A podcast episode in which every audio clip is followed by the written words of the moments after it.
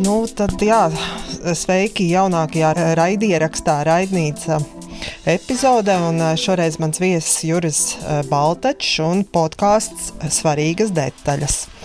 Un šajā podkāstā var ik viens dzirdēt intervijas un arī skatīties intervijas YouTube ar cilvēkiem par viņu ieskatiem dzīvē un darbā. Un uh, autors Juris Baltačs tātad ir viesis arī podkāstā. Sveiks, Juri! Ok, sveika, Dace! Man prieks tev redzēt vaigā. Jā, prieks tev arī. Jā, tad es saprotu, ka podkāstu veidošana ir tava brīvā laika nodarbe. Jā, jā, tas ir tāds hobijs, nu jau ieldzis, kurš man vēl joprojām patīk. Un jā, tad aptuveni reizi mēnesī kaut kādu sēriju vai vismaz kaut kādu satura gabalu izlaižu. Kā tu izdomāji nosaukumu svarīgas detaļas? Jā, nosaukums tā bija vesela epopeja. es tur mocīju kādas divas nedēļas kolēģis un draugus par to, kas būs labs nosaukums. Tur bija dažni dažādākie varianti.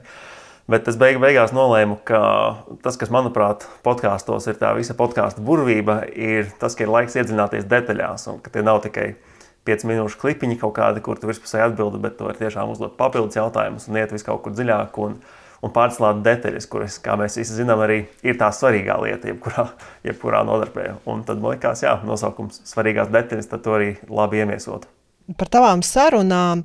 Um, nu, es kā žurnālists, kas ilgus gadus strādājis profesionālos medijos, protams, klausoties tavas sarunas, nu, mēģināju, kā, nu, man, man gribējās tā salikt tādās kastītēs, nu, kas tās ir pa intervijām, par ko tās ir. Un tad paklausos vienu, ah, nu, laikam tas ir zinātnē, pēc tam paklausos, nē, tur jau ir pilnīgi kaut kas cits. Un uh, man tāda ielikt konkrētā kastītē vismaz tev neizdevās, bet um, tagad arī gatavojoties mūsu sarunai, klausoties tavas intervijas, man radās tāds iespējas par tavām sarunām. Un, man liekas, ka arī pēdējā intervijā to tavs viesis noformulēja, ka es piedalos tādās tā kā neformālās sarunās, kādā barbekju, un tad nejauši noklausos, kā divi cilvēki sarunājās par viņu interesējošām tēmām.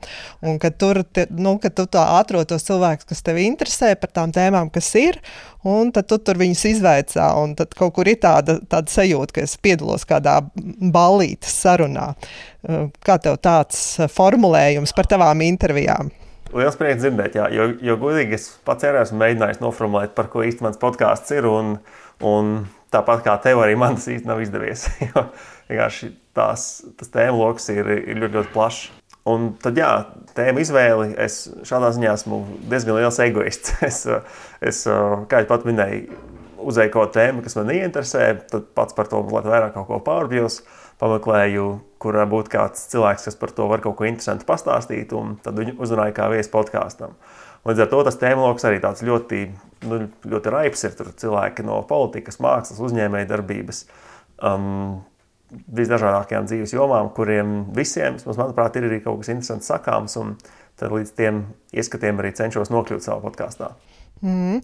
Tas arī tas, kas, ko varbūt es nebiju pamanījis līdz šim, kad klausījos tā pa kādai epizodei un negatavojos šai sarunai, bet uh, tagad intensīvāk klausoties epizodes, man radās iespējas, ka tās sarunas ir jāpar tev interesējušiem cilvēkiem, bet tur arī parādās, uh, man liekas, tādas svarīgas detaļas par tevi pašu. nu, tur, piemēram, tu stāsti par to, kā tu nodarbojies ar cīņas sportu, es saprotu to nosaukumu, es neatceros, bet bija cīņas sporta veids. Jā, jiu-jitsu, jā. jā. Lūdzu, nesaka karatē. vai par meditācijā. Jā, vai arī tu par, par to, kā tu audzē, stiprini savu emocionālo inteligenci. Vai arī par to, kas ir bijis pirmais soli vai vista. Nu, kad tu tās svarīgās detaļas ne tikai par to otru cilvēku, bet arī, ka tev parādās arī tās tavas intereses vai tās tavas aizraušanās. Tas tā jauši vai nejauši? Nē, tas ir drīzāk jauši nekā nejauši. Jo, atklāti sakot, man vienkārši patīk runāt par sevi. bet bet otrs iemesls ir, ka man gribās, lai tie podkāsti ir vairāk kā tāda saruna, nevis intervija. To es arī viesiem saku. Un, manuprāt, tas viss ir tā mazliet organiskāk. Protams, es piedomāju pie tā, lai ir kaut kāds scenārijs, nu, ne gluži scenārijs, bet lai ir kaut kāds virziens tai visai sarunai un ir kaut kas, līdz kā mēs beigās nonākam. Uh, bet es gribu, lai tas viesis sāk vienkārši tērzēt, vai arī, kā man patīk teikt, skaļi domāt. Tas ir tas, kurš parasti gribu to viesi dabūt, lai viņš sāktu skaļi domāt un spēlēties ar idejām. Tā mēs tur svaidoties turp šurp un nonākam pie kaut kā jauna mums abiem. Un, un ar to jā, un kā jau, ja, ja es gribu, lai tas viesis kaut ko atklāja nedaudz par sevi, tad viens no, viens no tādiem paņēmieniem, kā panākt, lai otrs cilvēks jūtas ērtāk tavā klātbūtnē, ir atklāt arī kaut ko mazliet par, pašam par sevi. Un varbūt tās arī kaut ko, par ko tu pats sevi jūties mazliet nedroši, kas manā gadījumā ir tā, kā minēta, emocionālā intelekta lieta. Un, un tā, tādā veidā tā saruna audzējās. Tā tas drīzāk ir jauši nekā nejauši. Jā. Mm. Un tu neesi nožēlojis, ka tu esi par sevi atklājis kaut kādas lietas. es, ir bijuši atsevišķi momenti, ka, ka tieši runājot par, par šīm emocionālām intelektu lietām, bija, bija situācija, kur es biju. Uh, biju viesos balītē pie kāda cilvēka, ko es biju intervējis arī savā podkāstā. Un, nu, tur balītē tur cilvēks stādās priekšā. Un tur puse viens otru pazīst, puse, puse nē, puse nē. Nu, atsakot, tāda cilvēka miksēšanās. Un, un tad tas cilvēks, kurš bija intervējis un kurš bija arī visas tās balīdzes rīkotājs, viņš publiski stādot man priekšā kaut ko pateica par kaut ko tādu, ko es biju pat izspļāvis tajā podkāstā. Un, ja godīgi, uz, tā, uz pussekundes bija rīktīgi sadusmojies. Viņam likās, nu, kā tā atļaujas ko tādu, tagad es šitā manas paplātas izlikt. Bet tad es tā nu, pieķēru sevi, ka, nu, jā, pareizi, ja jau es pats to publiski pateicu, gan jau, ka es nevaru uz viņu, nevaru viņu apvainoties. Un tā arī tāda beigā tāda nezinu, disonance starp to, ka, tad, kad tu intervē cilvēku tajā podkāstā, jūs esat divi vien tajā telpā. Un es arī mēģinu to atmosfēru, savu runas veidu un ar, ar visu to sarunas ritējumu izveidot tādu, lai nu, tā saruna ir kaut cik tāda intīma. Lai nu, mēs tur esam divi tādi, kas runājās, un, un, un mēs tur esam tikai divi. Jā. Bet uh, tas, ko tajā brīdī varbūt neapzināties, ir, ka to jau pēc tam viss dzirdējis. Kas, lai, protams, intelektuāli tu zini, ka es pats to visu ierakstu un pats to visu publicēšu. Bet tad, kad tas tev pēc tam kaut kā reālajā dzīvē atnāk atpakaļ, tad ir tā, wow, pak, ko tu atļaujies šito, šito par mani pusi pieminēt. Un jā, ir, tas ir kaut kas, pie kā pašam bija jāpierod. Kad tu pats pirmoreiz saskāries ar podkāstiem, jo es saprotu, ka tu arī vismaz tā var saprast, ka daudz klausies, daudz, daudz dažādas podkāstus piemini. Pārāk daudz, jā. Uh, nu, pirmā reize ar podkāstiem vispār es saskāros. Man liekas, tas bija 2006. vai 2007. gads. Bet tas bija tā pavisam garām ejot. Man uh, bija draugi, kuri dikti aizrāvās ar, ar Counter-Strike vai Counter-Strike. Tas, tas man tas bija, man tas bija aptuveni kaut kāds vidusskolas vecums. Tad. Un es to Counter-Strike galīgi nespēlēju. Man tas likās pilnīgs viests. Uh, un, un, jā, un tad radās kaut kāds Counter-Strike podkāsts, ko viņi tur beigās uzmoja. Tur viens teica, beigas foršā lieta. Es paklausījos pāris minūtes, likās, ok, man tā spēle galīgi neinteresē, pilnīgs sviests, un tad viss podkāsts kā tā vispār norakstīja kā sugu. Uh, bet vēlāk, un šis man liekas bija 2011. gadā, es uzgāju tādu podkāstu London Real, uh, London Real kurš tad vēl bija beigas labs, tagad viņš, manuprāt, netika labs. Bet, nu, kādus pāris gadus es biju rīktīgi uz viņu uzsēdies. Un tad īstenībā praktiski jau arī kopš 11. gada regulāri klausos kaut kādu podkāstu. Viss sākās ar London Real, bet uh, ir bijuši daudz citu pa vidu. Un kas tev aizrāva tajā klausīšanās procesā? Nu, tas, kas man aizrāva, ir. Es nebūtu varējis to ielikt vārdos tad uzreiz, bet tagad, skatoties, uh, es uz podkāstu skatos kā uz tādu draugu, jeb mentoru, kurš visu zina, visu ir darījis, visu ir pieredzējis, un tad pastāsta, kā viņam tur ir gājis. Arī, arī parastās tēmas, par ko es klausos, ir zināmā mērā tādi pieredzes stāsti vai, vai kaut kādi ekspertu viedokļi. Un tas, kā, tas, kā es jā, uz tiem visiem podkāstiem skatos, ka tā ir iespēja parunāties ar cilvēku, vai vismaz paklausīties, kā cilvēks sarunājas savā starpā, kur viens no tiem sarunas biedriem ir ļoti daudz darījis un kaut ko interesantu pieredzējis. Un tas ir tas, kas priekš manis ir tas vērtīgākais visos podkāstos. Un arī kaut kas, ko es pats vadot sarunu savā podkāstā, mēģinu panākt priekš manu podkāstu klausītājiem. Tagad, laikam, tā vieta, kur es varētu atzīties, ka klausoties, es nezinu, tas nebija tavā podkāstā, bet tu biji viesis kādā podkāstā, un tad tu stāstīji par to, ka tu pats savu podkāstu sāki veidot, eh, jo bija garlaicīgi. Tev bija garlaicīgi, un tad tu vienā vasarā izdomāji, ka jātaisa podkāsts. Un es atceros, eh, varbūt tas bija pie Aigas Veckalnas, es nezinu. Bet es to klausījos, un Un, uh, man tajā brīdī, tajā brīdī tas likās tik interesanti, kā cilvēkam ir garlaicīgi, viņš sāk taisīt podkāstus. Tas, tas man vienmēr ir bijis algotais darbs, un tas man pēkšņi tā, wow, cik tas ir interesanti. Un uh, kaut kā tieši tas, ko tu pateici, pēc tam man nebija tā doma, ka jātaisa ir raidnīca podkāsts par podkāstiem, bet kaut kā tieši tas tavs teikums par to, kāpēc cilvēki to dara, saprast, kāpēc cilvēki taisa savu podkāstu. Tas man kaut kā šo te zinkārību, zinkārību populārības dzirkstī nu, iesēja. un klausoties pēc tam jau citus podkāstus, ar vien vairāk tam pievērs uzmanību un arī nu, saprast, kāpēc cilvēki to dara. Kāpēc cilvēki tā izpodkāstu brīvajā laikā aiz garlaicības? Tāds ir jautājums tev. Nu, man, man bija. Teiktu, tā, tas, tas lielais fons tam visam noteikti bija, ka es biju jau ļoti ilgi klausījies podkāstu. Tajā brīdī man jau bija piecus gadus, kā regulāri klausījies. Jo, jā, es, sāku klausīties jā, 11. gadā, un tad savu sāku veidot 16. gadā. Un, un jā, tā vienkārši bija, bija sakrājies. Te, nu, pats tas brīdis, kad es nolēmu sākt taisīt, tas tiešām jā, bija spontāns. Tur bija, man liekas, nedēļa noslimojis mājās, un neko tur tā diži nebija darīt. Un gribējās jā, kaut ko uzsākt. Un tad domāju, ok, jā, man baigi patīk podkāstu, vai jāsāk taisīt podkāstu. Un arī pats tas varbūt Korejais mirklis bija tāds beigas spontāns, bet uh, nu, tā nedaudz psihoanalizējot pats sevi, uh, ir uh, diezgan bieži bija tāda sajūta, ka, ka es esmu visu kaut ko interesantu dzirdējis, un man jau uh, kolēģi, ko es kopā strādāju, jau viņiem bija iegājies tāds joks, ka tur cik reizes Juris šodien pateiks, ka es kaut ko nesen dzirdēju podkāstā, un citā draugu lokā tā ir pat jau dzeršanas spēle izveidojusies, ka cik reizes pienešu podkāstus. Un, uh, un, jā, un tad likās, ka jā, kaut kas ir sakrājies un ir kaut kas, ko, ko es varu vismaz atstāstīt vai izdabūt ārā kaut ko vērtīgu no, no citiem cilvēkiem. Un tas ir tas, kas to vēlmi turpina darbināt vēl joprojām. Um, tavam podkāstam tad sanāk šovasar būs pieci gadi? I, jā, jā, tiešām jā, es pat tā nebiju saskaidrojis. Jā, tiešām jā. Um, tāds veterāns, man liekas, starp tiem aktuālajiem, nu šobrīd tiem aktuālajiem raidierakstiem figurē. Ne? Ja godīgi, man, man grūti spriest, jo es vietējai podkāstu scenē diezgan slinki sekoju līdzi, bet uh, viens, ko noteikti vērts pieminēt, ir, kurš bija pirms manis, bija tāds um, The Eastern Border, ko veido uh, Kristaps Andrejsons. Viņš bija arī pie manis ciemos podkāstā.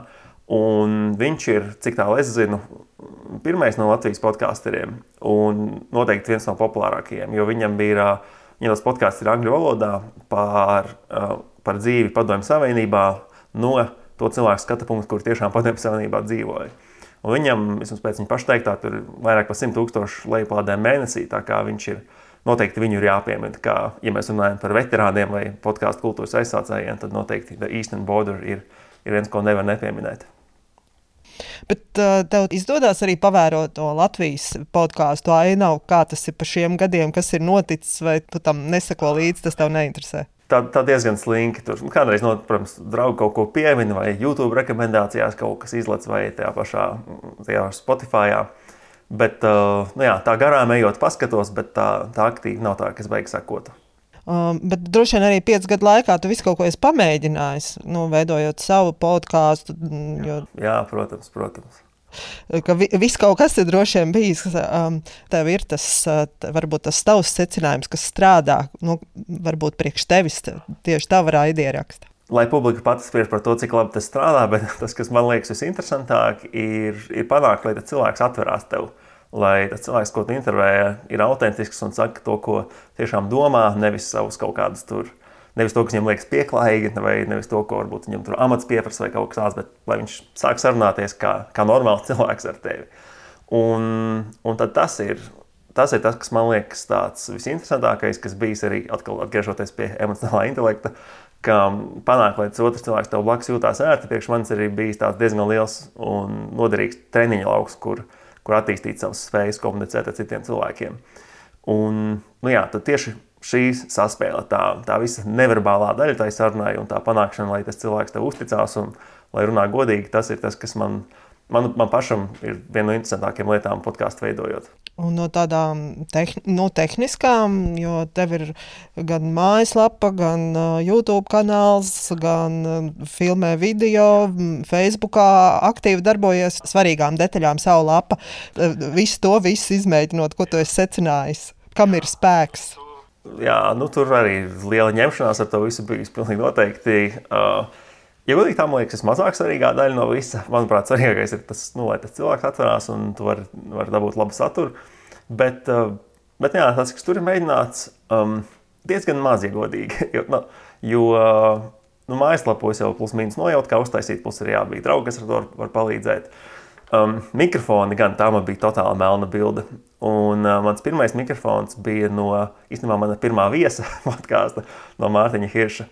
Jau ir tā, ka tajā brīdī, kad es izlēmu taisīt to savu podkāstu, viņš bija pirmais cilvēks, ko es ielūdzu. Un tad viņš teica, ok, es varu vai nu rīt, vai nu pēc trīs nedēļām. Un tad, nu, ok, davai rīt. Un, un kas bija pats, pats labākais, ka viņš ieradās pats ar savu mikrofonu. Bija tāds, jā, Yeti Blue. Un līdz ar to viņš īstenībā kļuva par manu podkāstu ģenerāla sponsoru. Jo es to, to mikrofonu, man liekas, viņam kādus divus gadus neatdevu. Un viņš bija tik laimīgs arī tā, neprasīja atpakaļ. Tā kā, tā kā jā, no tādām tehniskām lietām bija tas Yeti Blue mikrofons, kurš arī bija jāapgūst, kā to veidot, kā vispār viņu strādāt. Jo neko par audio lietām sākumā nesaprotot, man liekas, nu, kā es vienkārši nolieku mikrofonu, piespiežu ierakstīt, un viss tur notiek. Bet, um, kā sapratīs, jebkurš, kurš paklausīsies pirmās trīs vai četras sērijas, tur tā galīgi nav. Tur arī ar tiem mikrofoniem ir daudz ko mācīt. Un, Un te vēl jā, ļoti ņēmos ar Audacity, tāda bezmaksas tāda audio rediģēšanas programma. Tur arī bija visādi joki. Bija, uh, viens ir saprast, kā viņu lietot, bet arī, arī saprast, kā, kā viņu ierakstīt. Um, tur bija ar Edgars Bernānu, kas man liekas, bija 4. vai 5. sērija, ko es ierakstīju. Tur bija joki. Tā ir sērija, kur man bija vislielākā ņemšanās audio lietās, kur es pie viņa ierados Uh, mēs ierakstām to sēriju. Es tur biju pirms tās sērijas pāris settingus, tur jaunas pamēģinājis tajā audēsatī, kas man tur bija draugi paziņas ieteikuši. Un, un ierakstot, es redzu, ka tā skaņa lēna rakstās, rakstās, rakstās, bet laika laika viņa kaut kā palicās. Tur kaut kas nav tā kā iepriekš. Bet es domāju, ok, labi, turpināšu sarunu, tur gan jau viss būs kārtībā. Un tā mēs kaut kādu stundu vai bišķi vairāk norunājām. Un tad atnāku mājās, atveru vaļā to audacity failu un sāku viņu klausīties. Un tad saprotu, bļāviens, ka ik pēc kaut kādām četrām vai piecām sekundēm, kaut viena vai pussekundi pārlec. Tā vispār sakot, viss tas audio ceļš tāds films ar šitādiem te. Un tad sapratu, nu jau cik viss vai tā kā jāpašņem vēlreiz ierakstīt vai kas būs. Bet jā, tad tur nosēdēju, tur pat bail atcerēties, cik daudz stundas to visu montējot uz tādu destīju un jā, pats arī totāli nemākot montēt vēl to brīdi neko. Bet jā, beig, beigās saliku, un vismaz, vismaz neviens nav sūdzējies par, tā, par to sēriju. Tā kā, tā kā jā, tādām tehnikām arī ir, ir visādi gājis.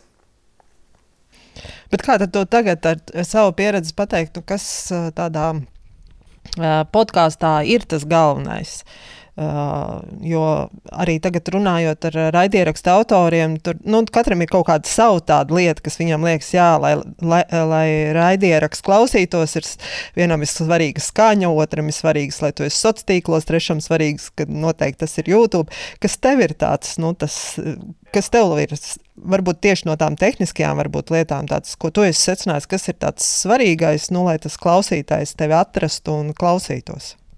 Um.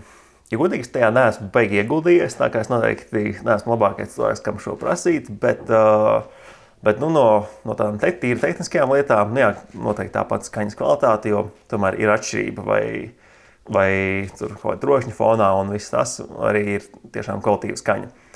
Tad, nu jā, kvalitīva skaņa, kas nozīmē, jā, labs mikrofons, laba vieta, kur ierakstīt.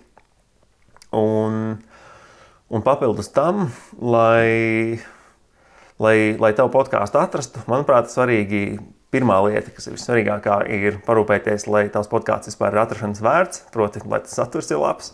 Bet uh, otra lieta, kas ir arī neatņemama sastāvdaļa, ir jā, viņu kaut kā bīdīt tautās. Un, nu, jā, un tad jau ir visa sociālo tīklu dēļa un, un sarunas varbūt ar žurnālistiem, kas tevi laiku laikam nointervē. Ka, vai ciemošanās pie citiem podkāstiem, vai arī vienkārši klipiņu izmētāšana, ko es arī esmu darījis, ka ir kaut kādi interesanti domu graudi no sava podkāsta.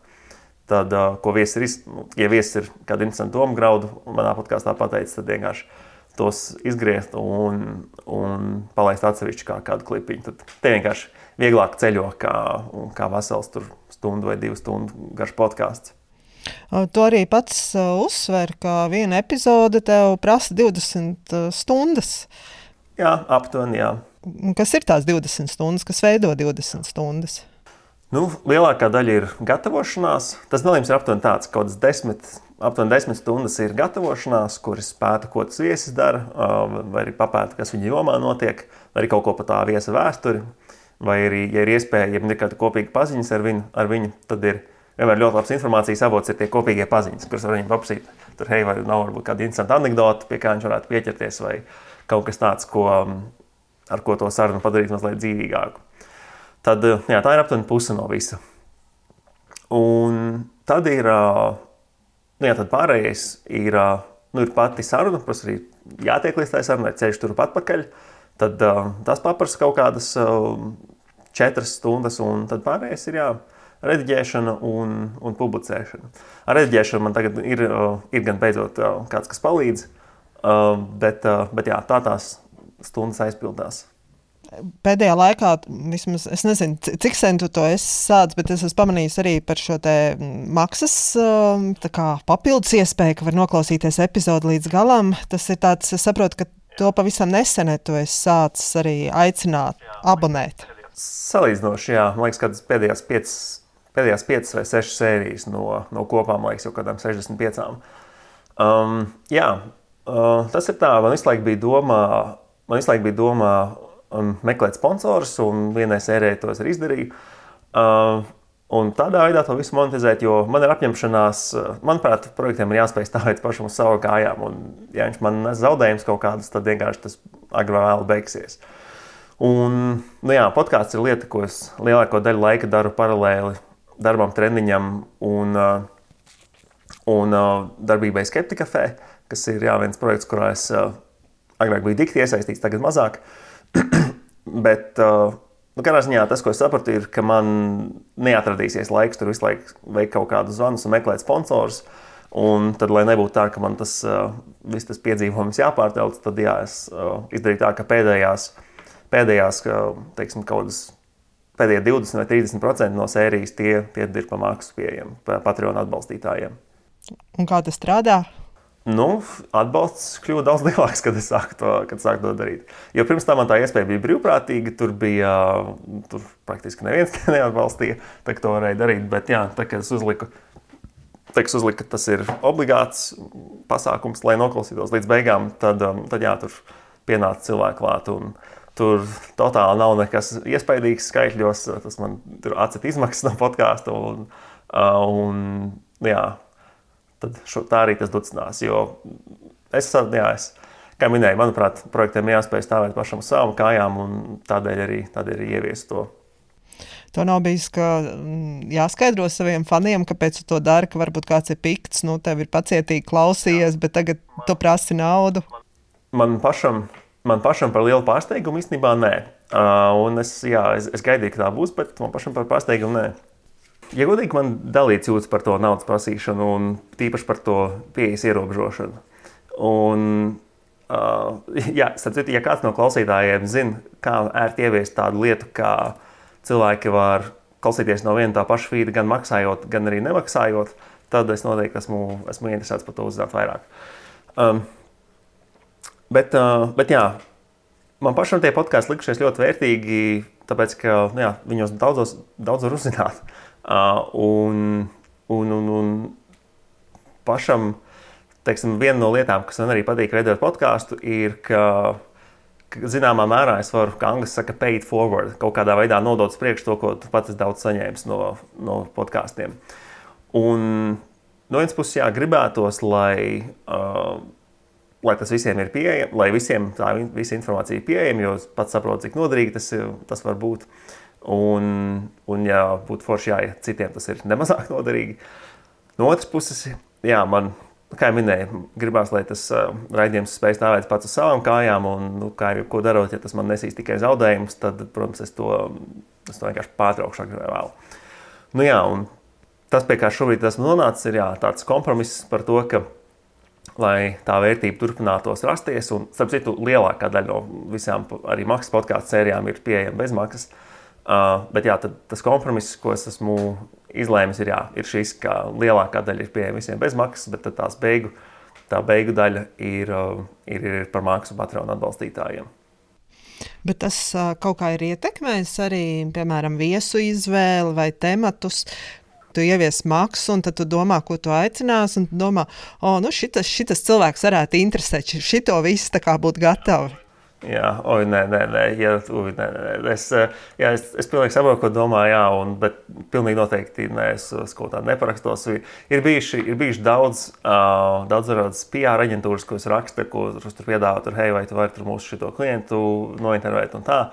Un, bet, nu, es ko tādu galīgi neparakstos, jo, manuprāt, tie podkāsti būs labi tikai, tikai tikmēr, kamēr tie cilvēki, kurus aicinu, būs tādi, kuri man pašam tiešām interesē un kuru tēmas man tiešām interesē. Uh, Un, nu jā, un tā kā podkāsts nav mans galvenais un vienīgais ienākuma avots, tad, tad es varu atļauties nedomāt par to, tur, hey, vai šis beigas aizies, vai šis iepīs kādu jaunāko baumu ar to, tur, ar ko kur gobzems atkal pārgulējis vai kaut ko tādu. Uh, un, nu, tas viss ir galīgs viests, un jā, to es galīgi nep nepavalkos. Bet kas varbūt tevi motivē nu, pēc pieciem gadiem veidojot podkāstu, regulāri tam veltot ap 20 stundas laika, ko tu varētu varbūt veltīt, nezinu, sportam vai kādai citai tādai varbūt baudāmākai lietai, un vēl joprojām, kad jā, tā, tā, tā samaksa, tā nauda, ko tu saņem, ko tu saki, tu vari sekt kaut kādas šos te izmaksas tieši podkāstu apšanai, nu, kas tev šobrīd to motivē turpināt darīt? Neatmest ar roku. To es pats sev gana bieži esmu vaicājis. un, un, un, jāsaka, ir bijuši periodi, kad es īsti nezinu, ko pats sev atbildēt uz to. Bet, bet man ir tā, ka, tā, ka man uznāk tā šaubas par to, vai man tiešām vajag šo turpināt. Tomēr, jā, baigi tas daudz laika prasa un tā tālāk. Um, tad tas, kas parasti tajos brīžos notiek, ir, ka es vai nu ierakstu kādu nākamo sēriju, Un, un tad es piedzīvoju, ka okay, tomēr ir rīktīgi forši to cilvēku dabūt un forši parunāt. Un pēc tam, kad tas ieraksts ir bijis, ir, ir tāda baigta labā sajūta. Ka, ka, tā grūti aprakstīt, bet um, tas ir foršāk kā vienkārši parunāties ar kādu. I, kad var tiešām iestīties tam viesim dziļi acīs un ierupties viņa dvēselē. Un kā man patīk teikt, arī panākt, lai viņš izvēlē savu dvēseli un pastāsta kaut ko par savu dzīvi. Tad um, pēc tam tāda rīktīgi forša tāda parunāšanās sajūta. Un kaut kas tajā kaut kas tajā pašā podkāstu ierakstīšanās brīdī, tur ir kaut kāda narkotika, ko es vēl līdz galam nemāku ielikt vārdos.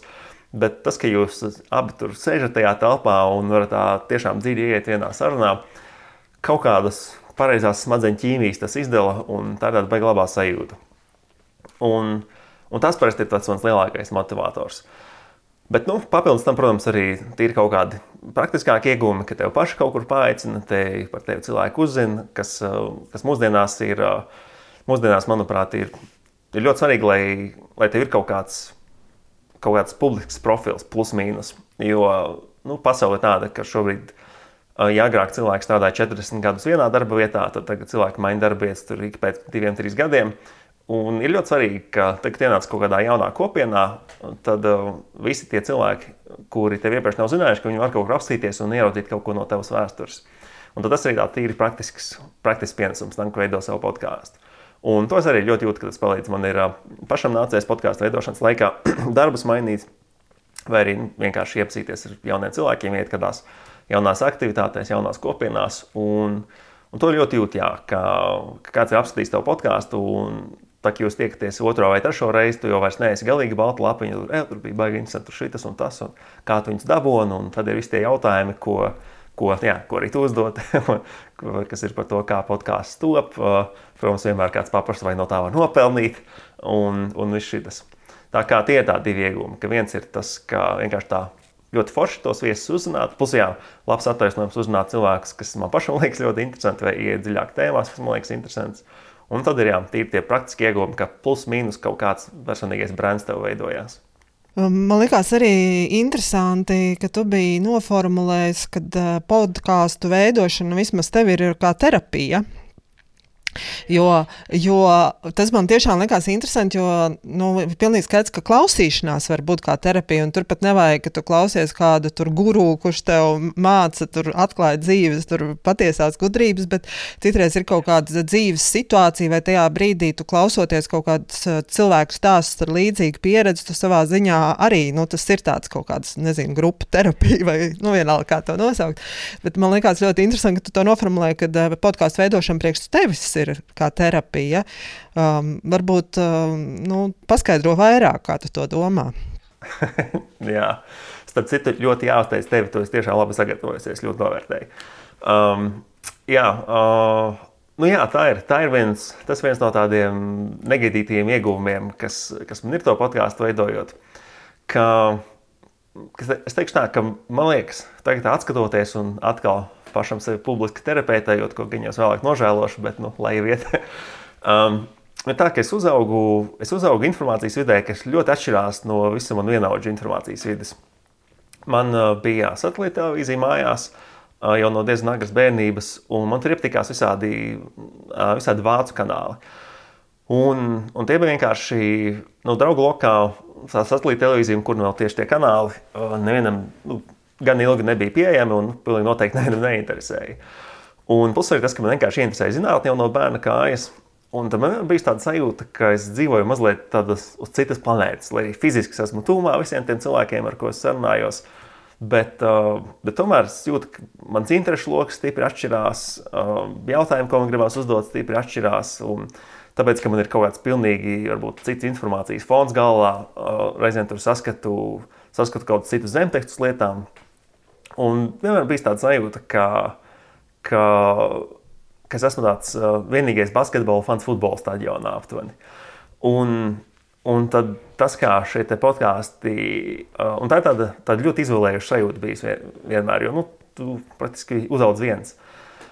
Un, Un tas, ko man podkāstu veidošana ir devusi, kur tā terapijas tā doma parādās, ir, ka ir bijusi iespēja kaut kur to visu izlikt. Un tieši jā, ar Kasparu Dāmu nesenākajā sērijā runājām, ka viņa bija ļoti, viņa bija ļoti līdzīga. Kaut kā mēs uh, cilvēki ar, ar tādām interesēm, kā, kā ir mums, uh, ikdienā kaut kā vienkārši nestiekamies. Kaut kā nav mums tās barbecue ballītes, tur ar, no manā gadījumā tur ar zinātnes entuziastiem, tehnoloģiju entuziastiem un tā tālāk.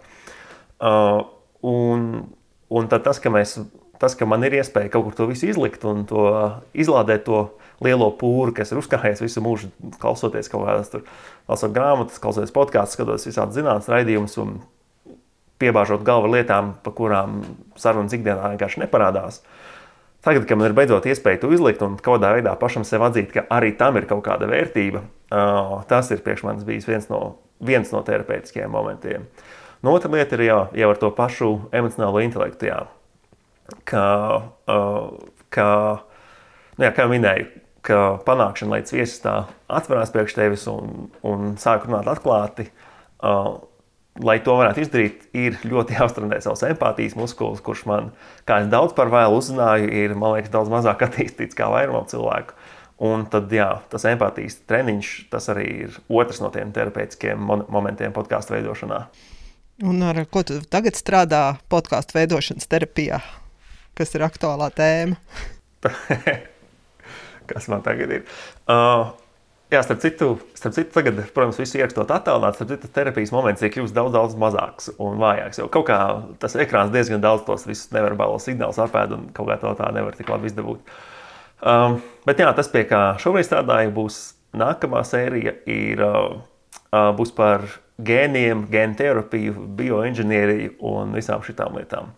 Kas, starp citu, ir atkal piemērs tam, kā, kā ir kaut kāda tēma, kas man interesēja, un tas vienkārši esmu liels egoists. Es nedomāju par to, kas varētu publikai interesēt, vienkārši eju tālāk par kādu tēmu, kas man interesē.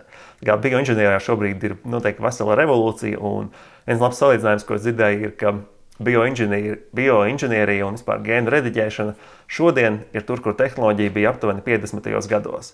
Un, nu, tad mēs visi zinām, kas tehnoloģijā noticis no 50. gadiem. Tur viena revolūcija pēc otras.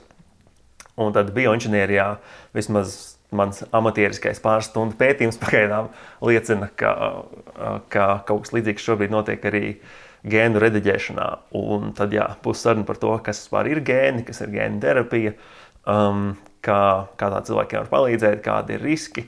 Dažādi interesanti ētikas jautājumi par to uzpeldu. Piemēram, visiem iesaku YouTube pameklēt, ir tāds Jamie Metzl. Viņš, ir, viņš, bija, viņš bija Baidenam padomnieks kaut kad pirms Baidens bija prezidents, bet viņš arī ir Pasaules veselības organizācijas tādā komi, bioētikas komisijā, kurš, var sakot, Pasaules veselības organizācija dod, dod viedokli par to, kas notiek bioinženierijā un ko tur vajadzētu vai nevajadzētu darīt mums. Un viņš ļoti interesants lietas stāsta par to, kādas ir. Viens ir tas, kā, kādi interesanti, tīri tehnoloģiski jauni atklājumi atklājās, ka mēs varam ārstēt cilvēkus no slimībām. Bet otrs ir, kāds būs to lietu tāds uh, sociālais pienesums, jeb nu, ne, ne tikai pienesums, bet arī kāda izaicinājuma radīsies. Jo, ja, piemēram, būs viena valsts, kur pasaka, ka nē, nē, nē, mēs negribam, lai mūsu valstī tur ražo superbērnus, mēs negribam, lai tur cilvēki var nopirkt sev gudrākus bērnus un tā tālāk. Um, bet būs otra valsts, kur pateiks, o, jā, super, vai glabā lietas, spiežam gāzi grīdā. Un ko tad darīt? Vai teiksim, viena valsts aizliegs vairoties savai, savas valsts pilsoņiem ar otras valsts pilsoņiem? Kaut kas tāds taču noteikti neies krastā. Vai arī ko darīt, ja kas esot vēsturiski tāda situācija uh, bijuši, ka uh, nedzirdīgi vecāki speciāli vēlas, lai arī viņu bērns piedzimtu nedzirdīgs. Un tas arī paver reiz visādus interesantus ētikas jautājumus. Un, un tad, jā, tad liekas, ka tajā jomā pavērsies lielas slūžas, slūžas ar visādām inovācijām, kas mums drīz sagaidāmas. Un arī, kā tas vienmēr ir straujās izmaiņās, arī ar visādiem izaicinājumiem, ko tad būtu interesanti pārunāt. Tā bija podkāstu svarīga detaļa, jaunākās epizodes reklāmas pauze. Bet atgriežoties podkāstā Rainītas, kurā šodien viesojās Jūras Baltačs, turpinam runāt par podkāstu veidošanu. Un, uh, man arī likās ļoti interesanti, ka tu esi arī stāstījis par to, kā top tavs podkāsts un tiem saviem atklājumiem, kas tev varbūt pamudināja. Tur gan YouTube, piemēram, tam video nav liela tāda popularitāte, bet nu vienalga, kas tev, kas tev bija tā motivācija padalīties, kā tas viss notiek, kā top. Man vienmēr paticis um, salīdzināt pierakstus. Tas ir tas, kā, kā es to saucu. Proti, katram jau darot kaut ko tajā savā jomā, ir uzspēlēt kaut kādas metodas, kā viņš to dara. Un man vienkārši likās, ka, ja es publicētu to savu, kā mēs teiktu, savu procesu, ja nu, to veidu, kā es to daru, tad, um, tad tā būtu iespēja citiem salīdzināt pierakstus ar to, kā es to daru, un varbūt arī pašiem padalīties, kā, kāda ir tā viņa pieeja. Un tas man liekas arī saskanīgi ar to, ko es daru savā podkāstā, intervējot savus viesus. Kas diezgan bieži piedomāju pie tā, lai, lai arī mūsu sarunā būtu tāds segments par to, ka kā viņš ir panācis to, ko viņš ir panācis savā jomā, kāda ir viņa pieeja darbam, tur, um, kas viņam patīk, kas nepatīk, ko ir mēģinājis, kas nav izdevies un, un tam līdzīgi. Tad jā, man liekas, ka tas tā tīri saturiski saskana ar visu manu tādu podkāstu ideju. Un kāda ir bijusi atsaucība? Varbūt tev pēc tam. Uz uh, nulle. jā. jā. Ir uh, jā, konkrēti nu, citi podkāsteri, citi podkāsteri, ne, Aiga ir, jā, Aiga Vatskala no podkāstu pieturzības, jā, viņa, viņa ir vienīgā, jā, kur, kur pateica, ka jā, viņai tas likās ļoti, ļoti vērtīgi, noderīgi un, un tā tālāk. Un jā, mēs arī viesojāmies pie viņas kopā ar, ar Lauru Čaupelu, tad tur arī Laura, Laura visu kaut ko padalījās, interesanti, kā viņa ir, Laura ir, uh, laikam pareizi teikt, būtu balss aktieris, uh, balss aktrise un, un tāda balss uh, runas, runas mākslas trenere. Un tad viņi jā, tur arī padalījās ar dažādām pieejām tās pašas sarunas gaitā par to, kā viņi dara savu lietu. Tā kā, labi, varbūt atsauksme nav bijusi nulle, Tā kā ir bijis tas viens podkāsts, tad atsauksme ir bijusi viens. Bet es novērtēju, tiešām man tas likās interesanti paklausīties tieši no tādas pieredzes un kā tas notiek. Un, un, un tas ir arī interesanti, ka uh, varbūt uh, to darot ikdienā profesionāli, nu, ir kaut kāds tāds pašsaprotams lietas, bet ir forši tā dzirdēt, kā ir cilvēki, kas tam iet cauri un kas viņiem liekas tā interesanti, izaicinoši, grūti. Nu, tas man liekas tāds, tāds arī tā ļauj te, tā kā kļūt, nu, tā kā. Um, ieskatīties podkāstā dziļāk, ieraudzīt kaut kādas tādas arī to, to virtuvi un sajusties arī ar autoru kaut kā tuvāk un tā. Jā, nu prieks dzirdēt. Īstenībā, kas ir interesanti runājot par, par podkāstu atsauksmēm, ka kanāls, kurus saņem atsauksmes visvairāk, ir kanāls, ko es nekad nekur nereklamēju, kas ir mans personīgais Instagram. es to es savā podkāstā vispār nekur nelieku un jā, nekur nereklamēju, bet tas ir tas, kur man cilvēki raksta visbiežāk. Un kas ir interesanti, ka privātās ziņas nāk daudz vairāk kā kaut kāda publiskā tegošana vai, vai publiskā atsaukšanās. Tā kā tas viss parasti birst, birst Instagram kā, privātajās ziņās. Varbūt ir tāda privātāka sajūta, tur rakstot vai kaut kā tāda. Nu, laikam, laikam. Bet, saka, Juri, kāds ir labākais padoms, ko tu esi saņēmis veidojot podkāstu? ko esmu saņēmis? Hmm, ja man jādomā tieši veidojot podkāstu, tad, tad es nevaru dot savu standarta atbildi. Man ir man standarta atbilde, ir jā, vainot sevi. Tas man bija vienam no agrākajiem priekšniekiem, tāda, tāda ļoti laba pieeja, kas ir jā, veids, kā uzņemties atbildību par to, kas tavā dzīvē notiek. Um, bet um, runājot tieši par lietām no podkāsta, kas, kas man likušās, uh, likušās tādas varbūt, kas pa, mazliet paliekošākas. Um, viena, pie kā es sev pēdējā laikā pieķeru, ir, kas biežāk piedomāju, es tagad baidos samāt, kurš no visiem to pateica, bet, uh, bet bija tā, ka to citiem var dot tikai to, ko pats esi saņēmis.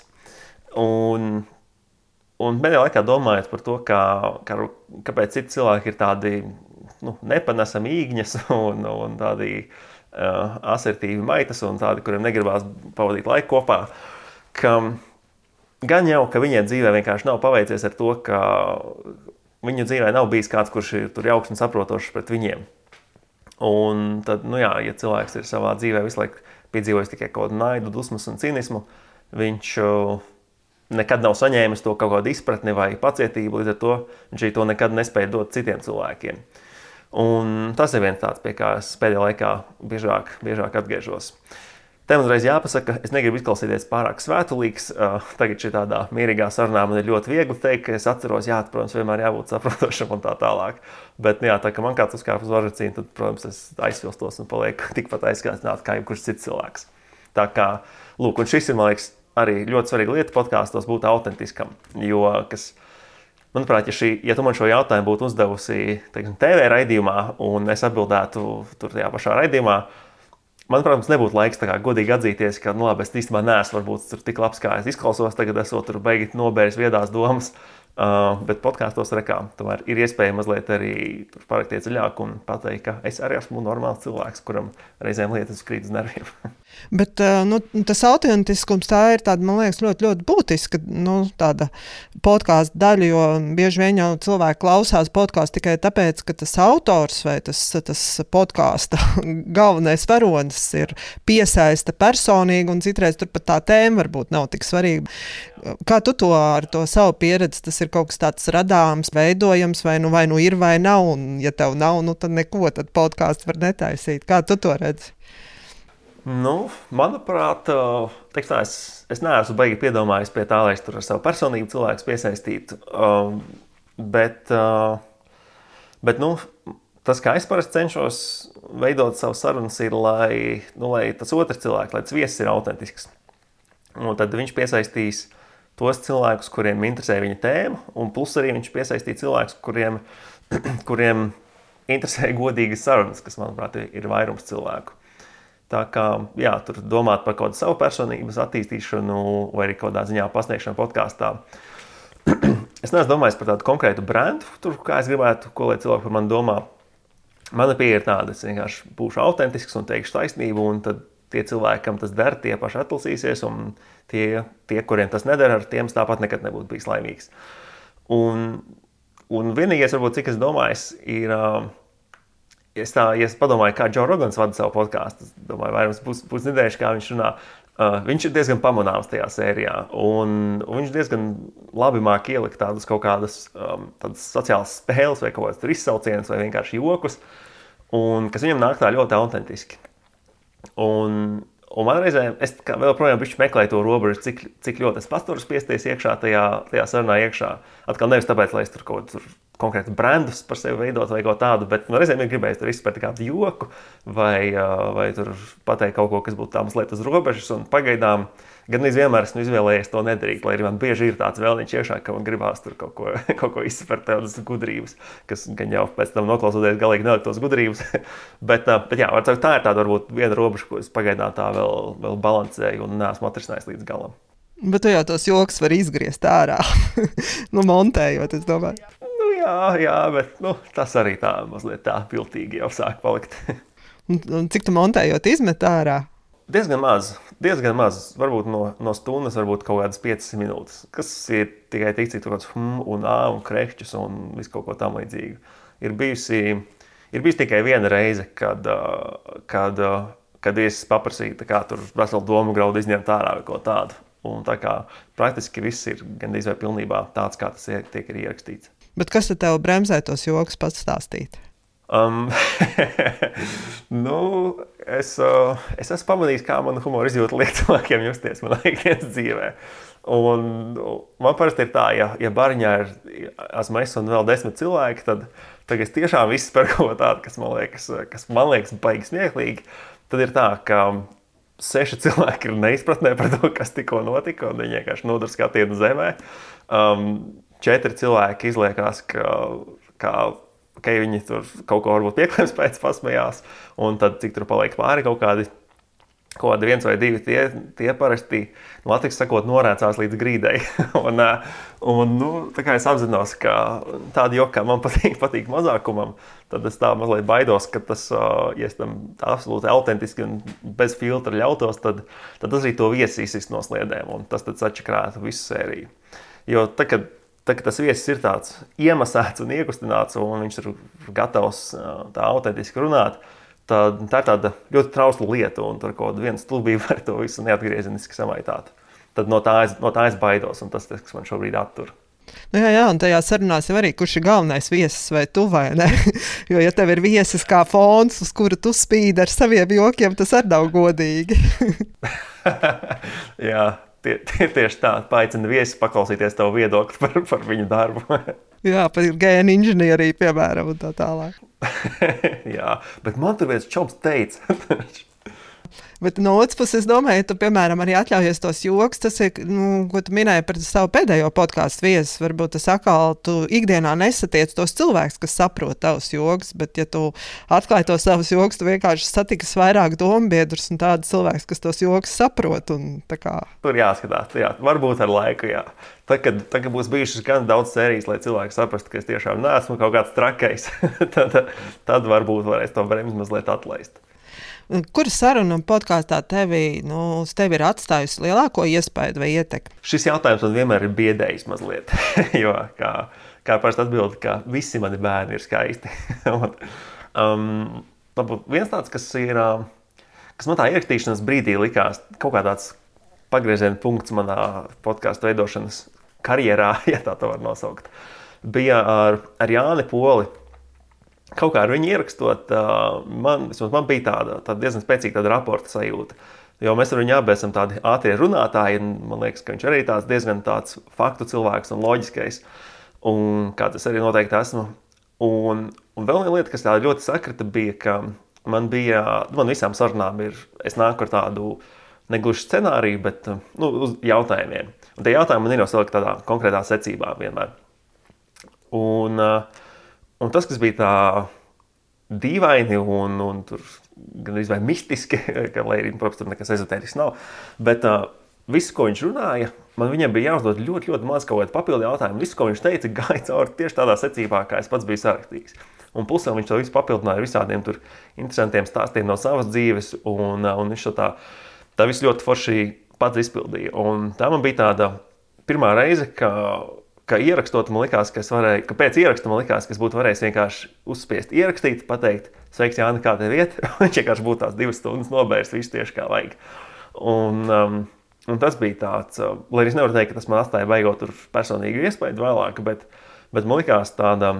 To podkāstu ierakstot, tā rīktīgi bija sajūta, ka, ka okay, es esmu tur, kur jābūt, un ka lietas notiek tā, kā tam ir jānotiek. Bija tāds tāds, latviešu sakot, labs flows tam visam likās.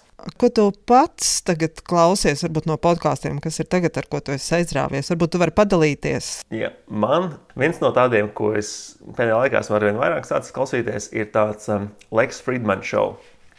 Un viņš ir uh, viņš priekš cilvēkiem, kuriem patīk tādas, manuprāt, diezgan smagas tēmas, tādas grūtas, uh, nu, par, tehnoloģi, par tehnoloģijām. Bet uh, viņš Viņš aicina tādus beigas super tādus intelektuālos cilvēkus, tur dažādi profesori, akadēmiķi, Nobela prēmijas laureāti, matemātiķi, tās Fields medaļas ieguvēji. Un viņš viņiem uzdod, viņš viņiem uzdod tādus jautājumus, kādus, manuprāt, pusauģu vecumā visi zinātnīs interesanti gribētu uzdot īstam zinātniekam. Un, un, un plusā viņš tā visā iepina arī tādu mazliet tādu poētiskumu, kurš, kurš kurš viņam, es negribu teikt, neizdodas, bet, manuprāt, tas viņam nenāk tā baigi dabiski. Viņš kaut kādā ziņā kautrējās atzīt, ka viņam arī tādas lietas gribās pieminēt, ka viņam gribās parunāt par mīlestību vai par, par skaistumu un, un tam līdzīgi, vai tur, nezinu, par, par cilvēku, sakot, cilvēku pieredzi un tā tālāk.